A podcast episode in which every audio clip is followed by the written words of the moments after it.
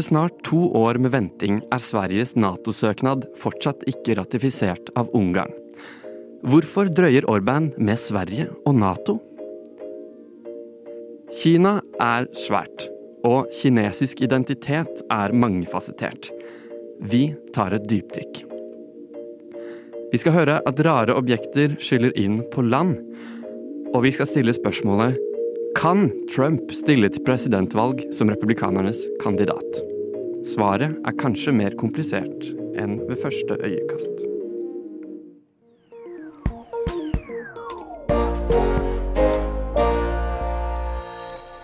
Hei, hallo. God fredagsmorgen fra studio her på Radio Nova. Mitt navn det er Benjamin Nortemø, og det er jeg som skal ta dere med gjennom eh, denne sendingen av Opplysningen 99,3.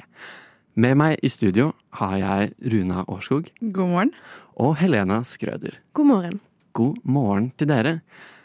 Det er fredag. Det er Opplysningen. Det betyr at vi har mange spennende, kule saker på dagsorden. Vi er da Radio Novas samfunns- og aktualitetsprogram. Hvor vi ja, tar for oss mye, mye forskjellig. Og dagens sending inneholder, eh, inneholder en, god, eh, en god spread av forskjellige temaer. Vi skal, vi skal være litt i Europa. Skal vi ta en tur til Kina, det store, store Kina. Er det verdens største land, Helena? Eh, hva? Nå ble jeg usikker her. Ikke areal. Eh, nei, fordi det er vel Russland. Ja. Mm. Eh, men det er jo et, ja, et svært land. Det En liten uh, quiz her på morgenen, merker jeg. ja, jeg skulle sette dere ut eh, Jeg skulle prøve, å, jeg skulle prøve å sjekke om dere er våkne. Hvordan har det vært å våkne i dag, eh, Rune? Eh, veldig greit. Eh, nå har jeg hatt en sånn uke hvor det skjer noe hvert minutt hver eneste time. Så det å stå opp er jeg helt avhengig av hvis jeg skal få rekke å gjort noe som helst. Eh, så da ringer alarmen klokka sju, da. Og da, nå begynner kroppen faktisk å bli litt vant til det. Så i dag var det ganske greit. Jeg har til og med ikke fått i meg kaffen engang, fordi det har skjedd ting fra jeg har stått opp til jeg sitter her. oi, oi, oi. Ja, så etterpå blir det kaffe. Da blir det kaffe. Da Det kan jeg skjønne. Jeg har merket noe på min egen eh, døgnrytme. Eh, jeg, jeg er kronisk litt sånn eh, legger meg sent.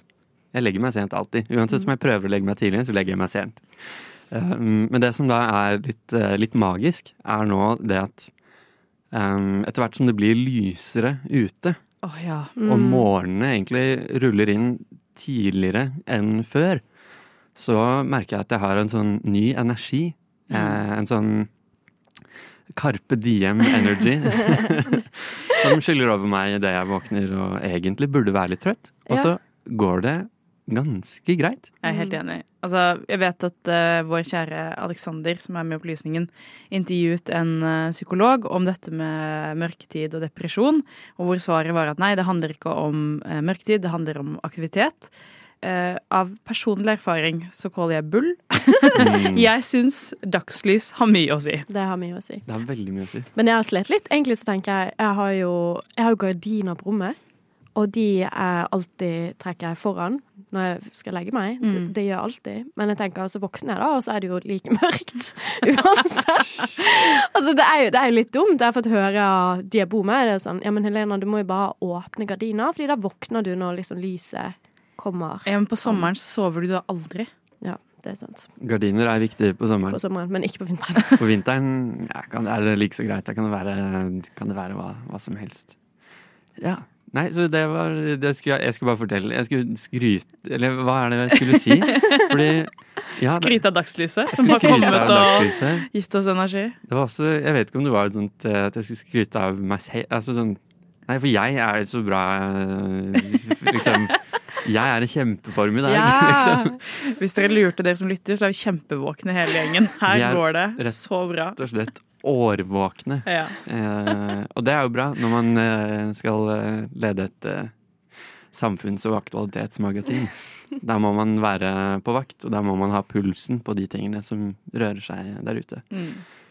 Så without further ado eh, skal vi nå eh, innom en, en, kjapp, en kjapp låt, eh, hvorpå vi så kommer tilbake for å snakke litt om Ungarn og Sverige og Nato. Du skal få nå en, eh, en eh, islandsk Doktor, doktor! Hva feiler det meg egentlig? Jeg beklager å måtte fortelle at du er ignorant. Ignorant, sier du? Finnes det noen kur for det? Jeg kommer til å gi deg resept på 99,3 milligram av opplysningen. Du må ta den hver fredag fra 10 til 11.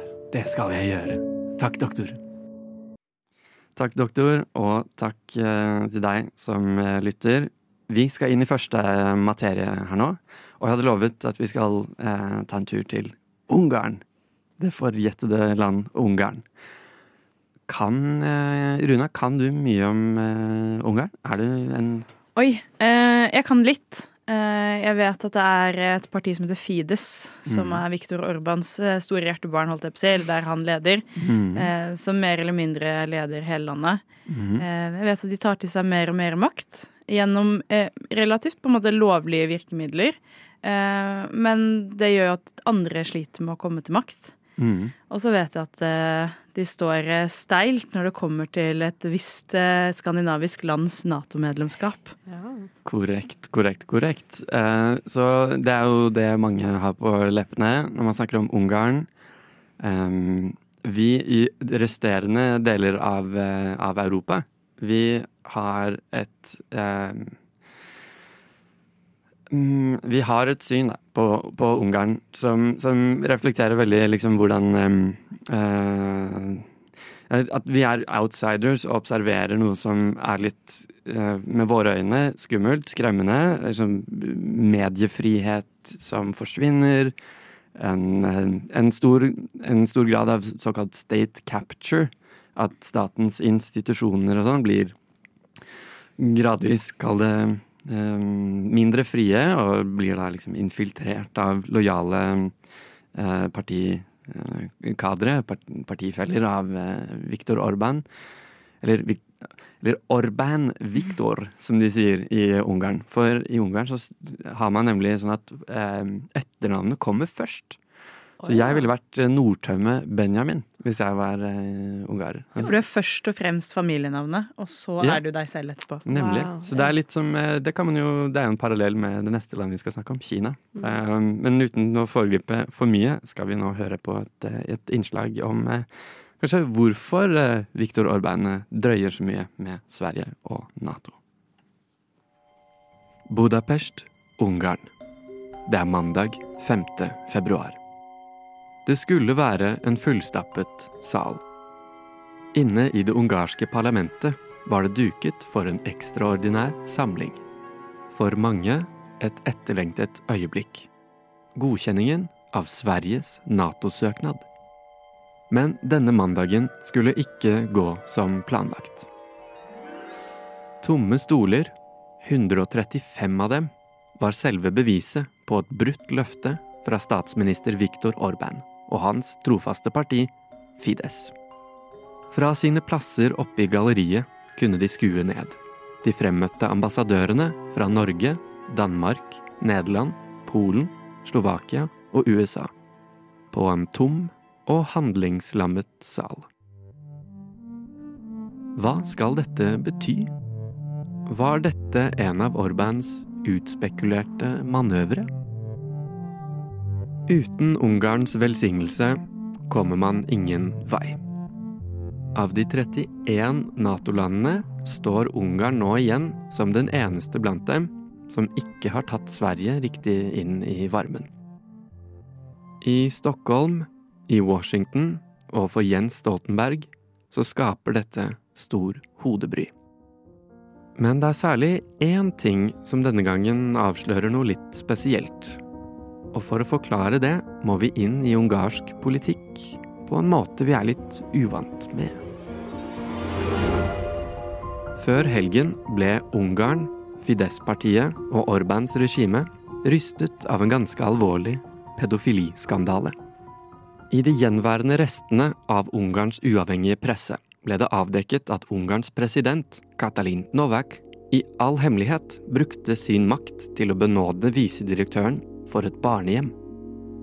Gjennom utpressing skal mannen kjent som Endre K ha fått flere av ofrene på barnehjemmet til å trekke tilbake sine vitneforklaringer om voldtekt og grov barnemishandling.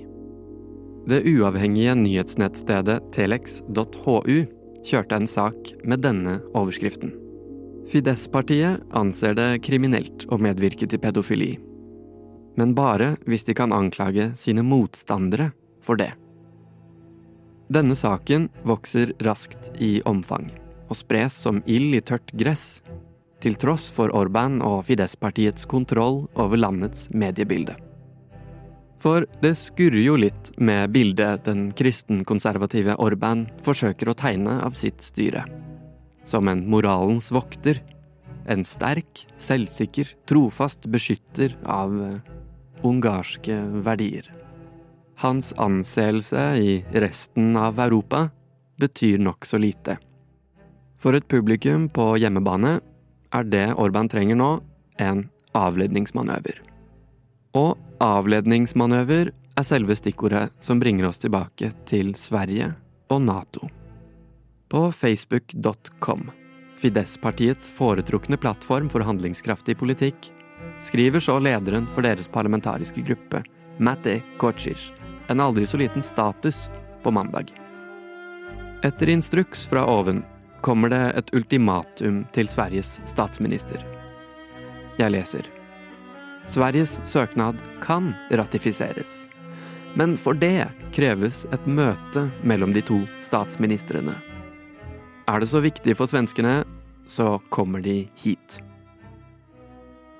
Litt som et brekkjern håper Viktor Orban at han kan bruke et svensk statsbesøk som en anledning til å vise seg frem. For å skyve alt av skandaler på hjemmebane under teppet.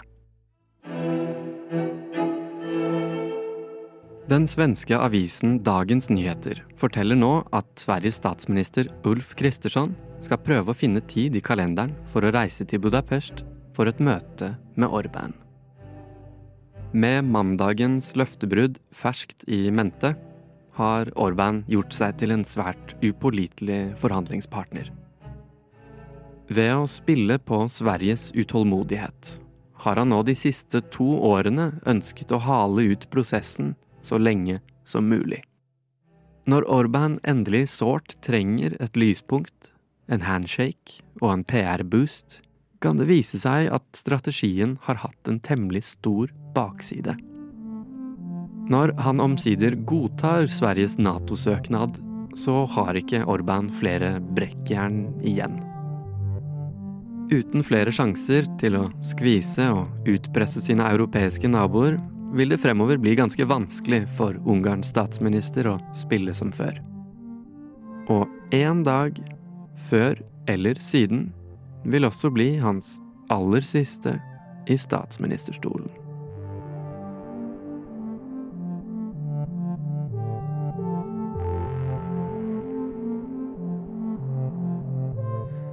Og reporter i det innslaget, det var meg, Benjamin Nordtømme. Mr. Speaker, I am a fighter and not a quitter.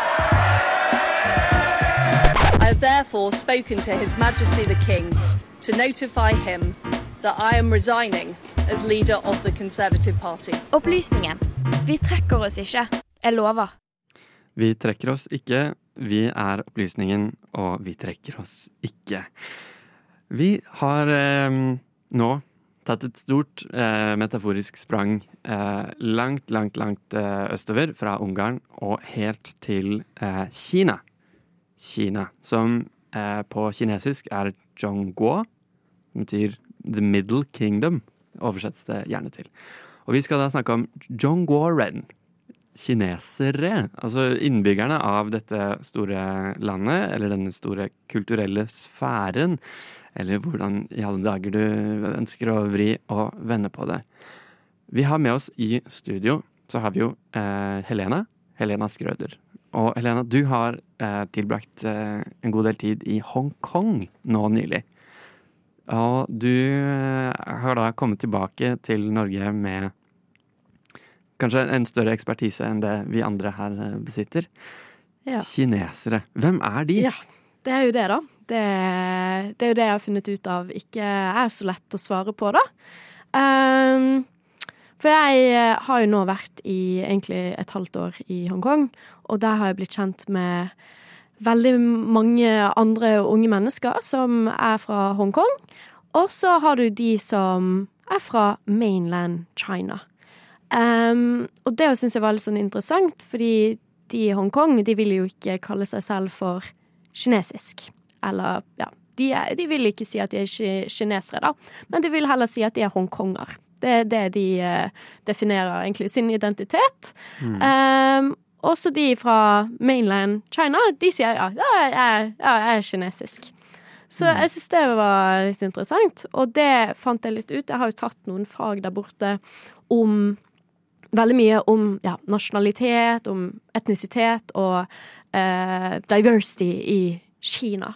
Og da har jeg egentlig funnet ut av at Kina, når man først tenker på egentlig en kinesisk person, først og fremst, så vil man tenke kanskje at de er eh, en del av han-etnisiteten. Eh, og da kan jeg jo egentlig forklare litt hvem han er. Eh, hva, hvem er han? En han, ja, han-etnisiteten. Og det er at i Kina Kina er jo et svært land med 1,3 1,3 kanskje ja, milliarder mennesker. milliarder mennesker. Mm. Uh, og 91% av uh, denne populasjonen er uh, av etnisiteten han. Um, så det er jo majoriteten. Um, men når man da tenker Da tenker man OK, 91% av de i Kina er han. Men så har jo man også en 9,2 prosent som er av minoriteten, eller minoriteter. Um, fordi Kina har over 55 uh, etnisiteter. Det er veldig mange, vil jeg si. Um, og 9% av uh, den kinesiske populasjonen er en del av dette. Og det, det omgjør kanskje 112 millioner mennesker. Det er jo kjempemange mennesker. Eh, noen, eh, en minoritet i Kina som kanskje er i mm, mediebildet oftere enn de andre, eh, skulle jo kanskje være uigurene i uh, Xinjiang-provinsen. Mm. Eller Øst-Turkestan, som jeg tror uh, mange av dem ønsker at man heller, heller eh, skal si. Um, så du var, du var inne på her at er Ok, Kina består av mange forskjellige minoriteter. Og så hørte vi fra Hongkong her at det er et sånt uh, politisk skille da, mellom fastland Hongkong og eh, Nei, eh, fastlandet og Hongkong. Det er, sånn, det er, det på bakgrunn av uh, politikk da, som, og, og historie som gjør at hongkongere føler en, en litt annen eh, Kjenner seg Føler seg annerledes da, enn det de gjør i, på fastlandet. Så her har vi Vi er liksom innom politisk skille. Mm. Så har du etnisk skille. Men Mm. er det også noen språkgreier som er på gang? Ja, det er det jo. Eh, fordi der, når du også da tenker på kanskje en kinesisk person, så vil du jo kanskje tenke at uh, personen uh, snakker mandarin. Jeg kan jo også fortelle at veldig mange, når de tenker Kina, så tenker man å, jeg snakker kinesisk. Men kinesisk, å snakke kinesisk, det inneholder jo så mange ulike dialekter og varianter. Så du har mandarin, og det er jo det majoriteten snakker. Men så har du også andre typer dialekter, som for eksempel kantonesisk. Og det er jo det eh, de i Hongkong eh, snakker. De snakker kantonesisk. Og også andre eh, millionbyer da, nede sør i Kina snakker kantonesisk. Um, og det som òg jeg syns er litt viktig å fortelle her, det er at det jeg lærte i Hongkong nå, det er at ja, Kina har så mange ulike dialekter. Men så forklarer de at alle disse ulike dialektene de er jo så forskjellige fra hverandre. Det er jo så ulike som om det er en som snakker fransk og en som snakker tysk. Det er så annerledes, så forskjellig. Så egentlig er det jo nesten ulike språk Nemlig. innad i landet. Ikke bare dialekter, rett og slett. Så skillet skille mellom dialekt og språk eh, Vet ikke. Eh, Runa, er du kjent med uttrykket at et, et språk er en dialekt med en hær? Har du hørt det før? Jeg har hørt det eh, kanskje mest spesielt i form av svensk, dansk og norsk. Mm. Fordi at vi har jo såpass likt språk. Vi kaller det jo språk, Mm. men allikevel forstår hverandre. Mm. Men hvis det er sånn at man innad i mandarin faktisk, eller innad i kinesisk, da, med mandarin på ene siden og de andre ulike, faktisk ikke forstår hverandre engang, Mm. så er det jo interessant, kanskje mer politisk, at de har valgt å kalle det kinesisk som et språk. Mm. At det kanskje er mer sånn samlende Mm. for å samle disse ulike språkene. Mm. Men eh, et spørsmål. Ja. I Hongkong, er det også samme etnisitet som kinesere? Er det noe av bakgrunnen for på en måte den der identitetskonflikten? Ja, eller i Hongkong da, så er jo egentlig eh, majoriteten er jo eh, etnisk, etnisk majoritet. Det er han. Mm. Um, og det, da kan jeg egentlig forklare òg Vi har en linje i Kina som heter Hu-linjen. Og den strekker seg egentlig et skille mellom Vest- og Øst-Kina. Og da ser du at østsiden av Kina, det er der fleste, mesteparten av eh, folkene bor. Og det er der også han-etnisiteten, majoriteten, bor. På østsiden av Kina. Men så er det på vestsiden igjen. Da har du egentlig eh, både mange færre mennesker som bor der, og det er også der minoritetene også bor mest i på vestsiden. Så mer mangfoldig sånn i det etnolingvistiske landskapet jo lenger vest du kommer, da, kanskje, Mm. i Kina. For at man har da uigurene og tibetanerne også. Ja, og, Hui mm. um, Men det som også er litt sånn viktig å si, det er også Hongkong er veldig, veldig mm, diversity. Det, er, det finnes så mange ulike mennesker som bor der. Um, men det er òg tingene med Hongkong som også er litt sånn spesielt. Eller jeg har jo snakket litt det med både når jeg snakker litt med etnisitet og liksom om språk. At når man tenker på Da kan man jo si OK, en kinesisk person, når man først tenker OK, du er han, du snakker mandarin. Men så har du jo for eksempel Taiwan. Mm. De er han. Eller de fleste i på Taiwan er fra han-etnisitet, og de snakker mandarin.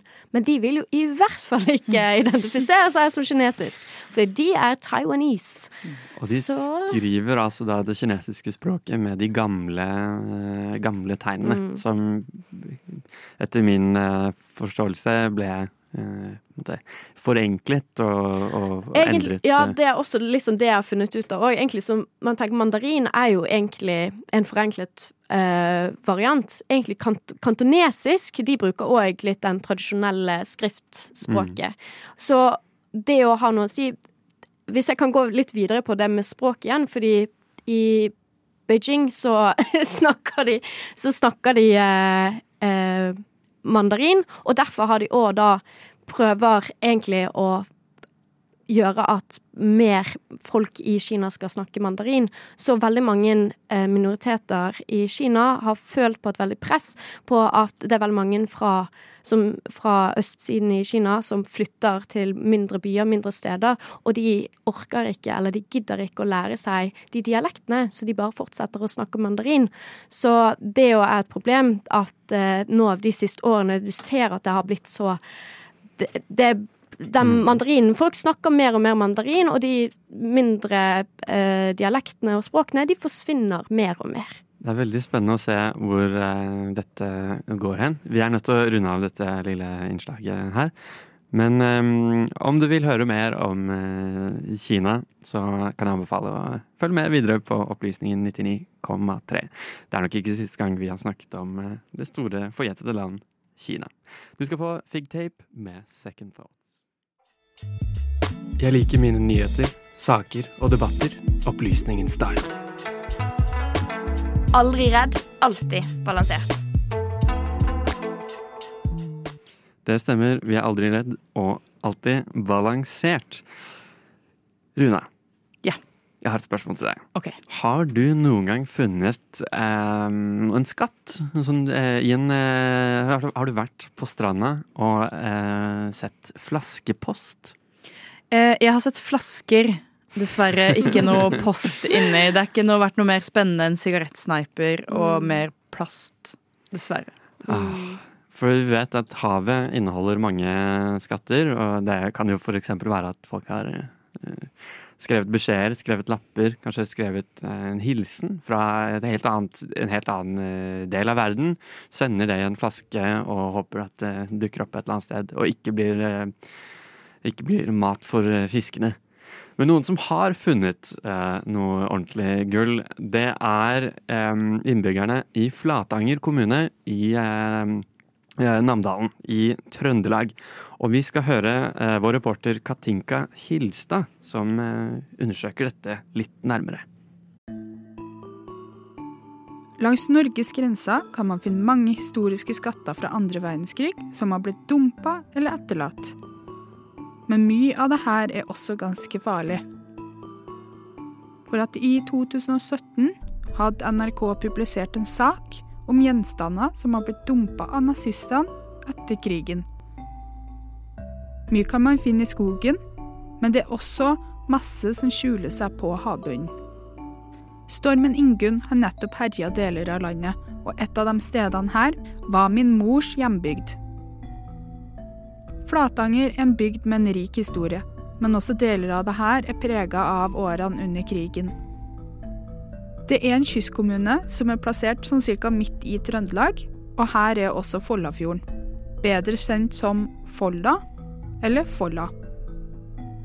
Den ca. 71 km lange fjorden har også et nokså dystert kallenavn, nemlig Havets kirkegård.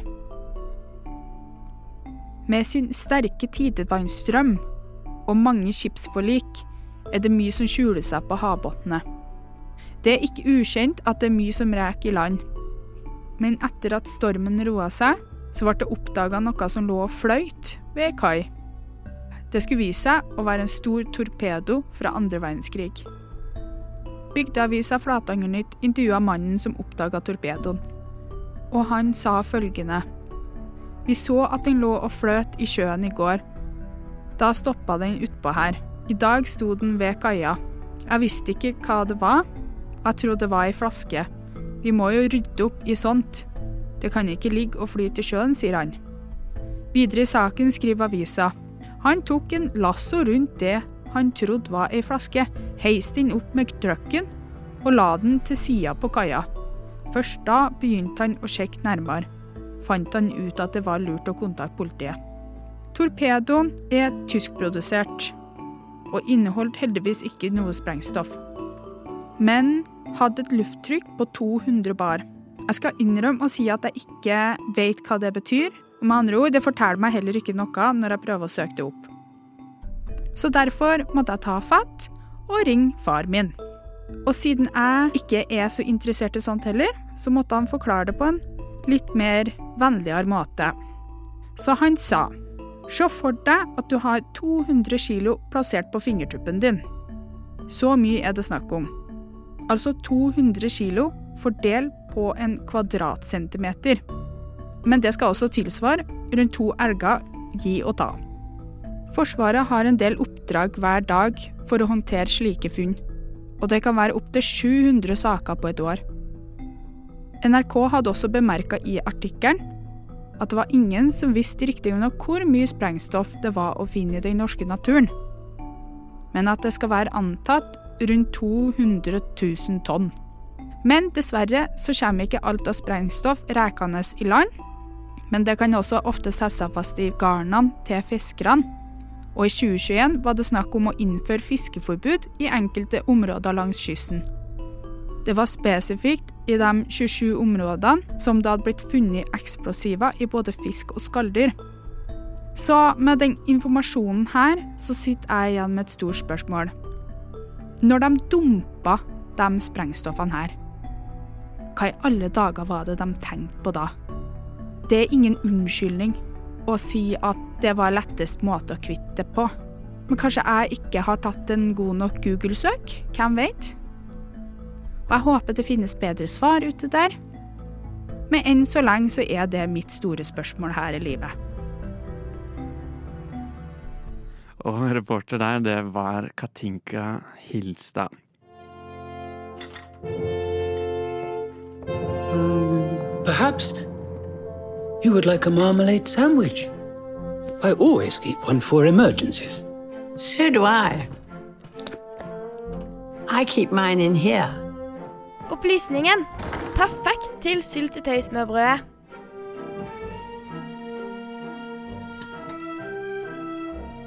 Jeg vet ikke om du spiser syltetøysmørbrød akkurat nå, eller hva du har eh, for deg. Vi har i hvert fall et syltesmørbrød av en eh, av en sak her nå. Var det litt Syns det var fin, jeg. Syns den var fin. Ja, fordi vi skal snakke om eh, Donald Trump.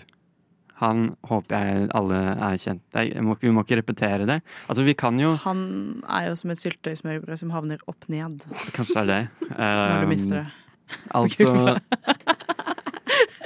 Vi kan stjele ti minutter av ditt liv eh, og prøve å forklare hvem Donald Trump er, men det ville vært et eh, urettmessig tyveri av din tid, fordi du har jo eh, hørt om denne karen før. Eh, jeg leser her fra nrk.no, og så er det på nynorsk, med forbehold om at jeg eh, skal lese på nynorsk nå. Mm. Trump ikke immun i historisk straffesak.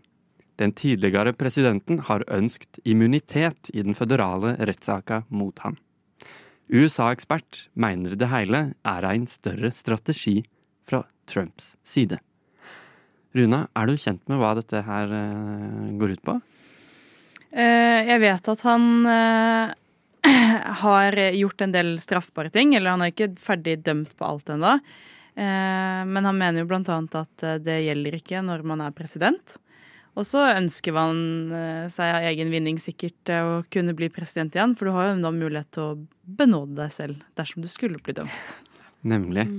Det Trump har søkt, eh, eller ønsket seg, eller er brukt som et eh, eh, juridisk argument, er at eh, han har jo vært president. Og som presidenten av USA, dvs. Si hvem som helst som fyller den rollen, om det er en mann eller en kvinne eller hvem Altså det spiller ingen rolle, så har du da immunitet.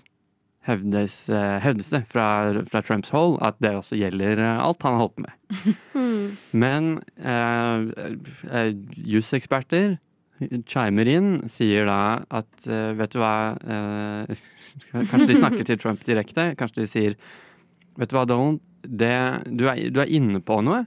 For en president har jo immunitet eh, når det kommer til de handlingene som er utført som en del av presidentembetet. Eh, Som en del av presidentens rolle. Mm. For eksempel da eh, liksom Om man skulle tatt Dette er et helt hypotetisk eksempel, da. Men for eksempel eh, tidligere president George Bush. Han eh, lanserte jo eh, Irak-krigen for 20 år siden. Så er det jo, kan man mene absolutt, absolutt, absolutt hva man vil om den eh, krigen. Eh, noen, jeg, anbefaler et syn som kanskje er kritisk eh, til den. Men så er det da, ikke sant, kan man ta George Bush til retten, straffe ham for å Altså stille ham med, med, en- med en tiltale. For, eh, For riksrett. For riksrett. Mm. Altså, å, dette var eh, mord, eller dette var et, et eller annet. Svaret der er kanskje nei. Fordi det å styre hæren er en del av presidentens eh, altså som, som eh, commander. Så er, så er det en del av pre presidentrollen. Så det er kanskje litt vanskelig, og kanskje egentlig helt umulig. Og man kan drømme eller noe sånt. Eh, men det er ikke mulig å stille George Bush for retten for det. For da ville han hatt immunitet. Men Trump har jo da selv sagt at han kunne gå på Fifth Avenue og skyte noen, og ikke eh, Ja. Og ikke havne i trøbbel eh, for det. Helena, hva, hvordan, leser du, hvordan leser du dette eh, kaoset med alle disse alle disse eh, juridiske problemene som svever litt i lufta, Mm. og det at vi har et, eller et USA venter et presidentvalg til høsten. Mm. Hvordan, hvordan samkjører du hva, hva? Det er kaos. Mm. Jeg syns dette er skikkelig kaos. Um, og jeg lurer litt på egentlig det med For jeg har lest litt på denne saken her, og det står jo at um, At eh, At fordi han er folkevalgt Akkurat det med at han er folkevalgt, derfor eh, på en måte trenger, skal, det gå fint. At det på en måte gjelder ikke han, med at han ikke er Han er ikke valgt av em, embetet, Embetet, ja, ja. men at han er folkevalgt. Og derfor eh, Ja. Så jeg var, jeg var litt usikker på akkurat hvorfor har det noe å si, egentlig, på at han er folkevalgt. Ja, det skulle være kanskje også et mysterium for meg. Det vi har i hvert fall fri, ganske friskt i mente som en sånn aktiv del av dette, er at i, i delstaten Colorado Mm. så kom det en um, Det kom til et vedtak en eh, gyldig da, gyldig dom fra, den, fra høyesterett i Colorado. Så USA er jo et føderalt system, og så har du The Federal Supreme Court på toppen. I Colorado så er han nektet å stille for republikanernes, eh, som republikanernes presidentkandidat. Enn så lenge. Enn så lenge. For da saksøkerne hevder da at Trump med sin rolle under, altså, eh, under stormingen av eh, Kongressen 6.1.2021 gjorde seg da skyldig i opprør, det er et lovbrudd i amerikansk rett, og derfor ikke kan velges til president eh, på ny. Så skal dette da finne hele veien opp til føderale eh, høyesterett, Ja. hvor da kanskje Trump har noen eh, Altså, han har jo sine støttespillere der. Ja, det har han. Jeg syns jo det interessante er også at Trump sa for flere år siden tilbake, da han var at alle stilles likt for loven. Også han selv. Mm. Eh, Så kommer det frem at han har gjort en del ting som kanskje ikke er så veldig bra, og som kanskje strider med loven. Nei, da har han jo ikke gjort noe gærent, fordi at presidentembetet skal beskytte dette. Eh, Så, så sånn Jeg syns hele saken bare blir et sånn tullete politisk spill. Hvis Colorado nå fastslår at han ikke får stemme der, nei, ikke blir stilt der, og det samme skjer i det føderale systemet, det er jo kjempeinteressant. Mm. Men jeg tviler på at det kommer til å skje. Ja, for det ser jo litt uh, tvilsomt ut, uh, akkurat det. Det er intervju her i NRK med forskjellige eksperter, og de mener forskjellige ting. Men kanskje en overvekt her av um, uttalelser i uh, liksom i retningen, da. At det kommer nok til å oppheve denne eh, utestengingen fra, fra Colorado. Og at eh, Høyesterett vil da si at eh, i av hva som har foregått, så må alle velgerne kunne stemme på Trump om de vil. Mm. Fordi presidentembetet er et nasjonalt eh, verv, eh, ble det sitert da, her fra en, en ekspert i NRK. Det er kjempespennende. Det er nok ikke det siste du har hørt om Trump, Amerika, valgkamp osv., men vi må runde av eh, her. Du skal få en eh, låt med en eh, hm, passende tittel. Det her er Pen gutt med Deja. Det spørsmålet har nok vært diskutert eh, veldig, veldig lenge.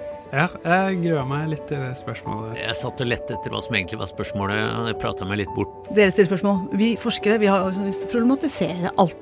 Opplysningen. Vi stiller spørsmålene andre ikke tør å stille. Vi har stilt mange spørsmål. Eh, kanskje er det de andre ikke stiller. Kanskje er det helt åpenbare eh, spørsmål vi har stilt. Men vi har nå kommet til eh, avrundingen av dagens sending. Eh, fant ut at vi har litt tid til å liksom samle, samle oss nå. Nå har vi vært innom Ungarn. Vi har vært innom Kina. Vi har snakket om ting som skiller i land, og vi har snakket om Trump. Så der var liksom lista, rekka, gullrekka, eh, ordna. Vi har tatt liksom runden rundt eh, om i verden, Ja. syns jeg. Ja, På alle jorden verdens rundt kanter. På én dag, eller på en, En time. eh, Time. på en liten klokketime her på Radio Nova i Opplysningen 99,3. Etter oss eh, på lufta så får du Studentnyhetene. Eh, og de har eh, De har ganske mye på Jeg ser her på planen. Jeg har nemlig sånn jukse, jukselapp eh, i form av at jeg kan se hva de har lagt opp i, i, i sendingen. De skal snakke om eh, Studenthuset eh, 23, altså i eh, Det gleder jeg meg skikkelig til å høre på. Ja. Jeg vet så lite om det. Mm. Så jeg tenkte at når jeg setter meg ut her etterpå, så skal jeg sette på studentnyhetene. Det er litt krøll med SIO og et nytt studenthus, og vi skal høre sikkert da eh, mer i dybden hva dette handler om. Eh, St. Olavs gate 23. Dette bygget som nå eh, står tomt, og man eh, trenger litt penger, osv. Eh, det var min lille tease av, eh, av det. Så er det jo fredag. Det er jo vanligvis det når vi er eh, her i studio. Og mm, kanskje vi skal eh, la det stå som siste ting. Helene, det er helg. Ja. Og hva har du tenkt å gjøre? Finne på denne helgen? Jeg skal spise fastelavnsboller. Fordi det er fastelavn på søndag, og det er morsdag. Så det er viktig å huske. Oi, oi, oi. Det, det er dobbel whammy denne søndagen. Husk det, alle mm, Ja. Alle. Alle. Kanskje spesielt gutta. Jeg vet ikke hvorfor jeg henger meg opp i det. Men gutta, husk det. Husk det, og ring mamma. Ring mamma på, på søndag. Si at du er glad i henne. Og spis en svær bolle. Med krem. Mm. Eller med mandel. Hva, har, du, eh, har du noen preferanse der, Runa? Oi, jeg har pleid å spise med krem og syltetøy. Ja. Syns det er veldig digg. Mm. Eh, men eh, jeg glemmer at det er fastelavn hvert eneste år. Så kommer jeg på det når folk har sånn restebolle med på universitetet ja. i skolen. Og så tenker jeg åh, jeg hadde den store unnskyldningen. Alt som kunne vært, alt som kunne vært. Um, ja. Jeg skal i hvert fall også spise en fastelavnsbolle, har jeg tenkt. Ja. Jeg bare holder meg til én, jeg. Ja. Nei, kanskje to. Nei, jeg vet ikke. Vi får se om jeg klarer å holde, holde meg uh, i, ved hektene. Det var, eh, det var alt vi hadde i dag. Eh, Jeg har vært Benjamin Nortemø, og med meg i studio har jeg hatt Runa Årskog og Helena Skrøder. Tusen takk til dere. Tusen takk. Så hadde vi også reporter Katinka Hilstad her eh, litt tidligere. Vi runder av der, vi. Eh, og så eh, får du bare ha en herlig, herlig helg. Ja, god helg! God helg! God helg til deg, og tusen takk for at du har hørt på. Ha det bra! Ha det! Ha det.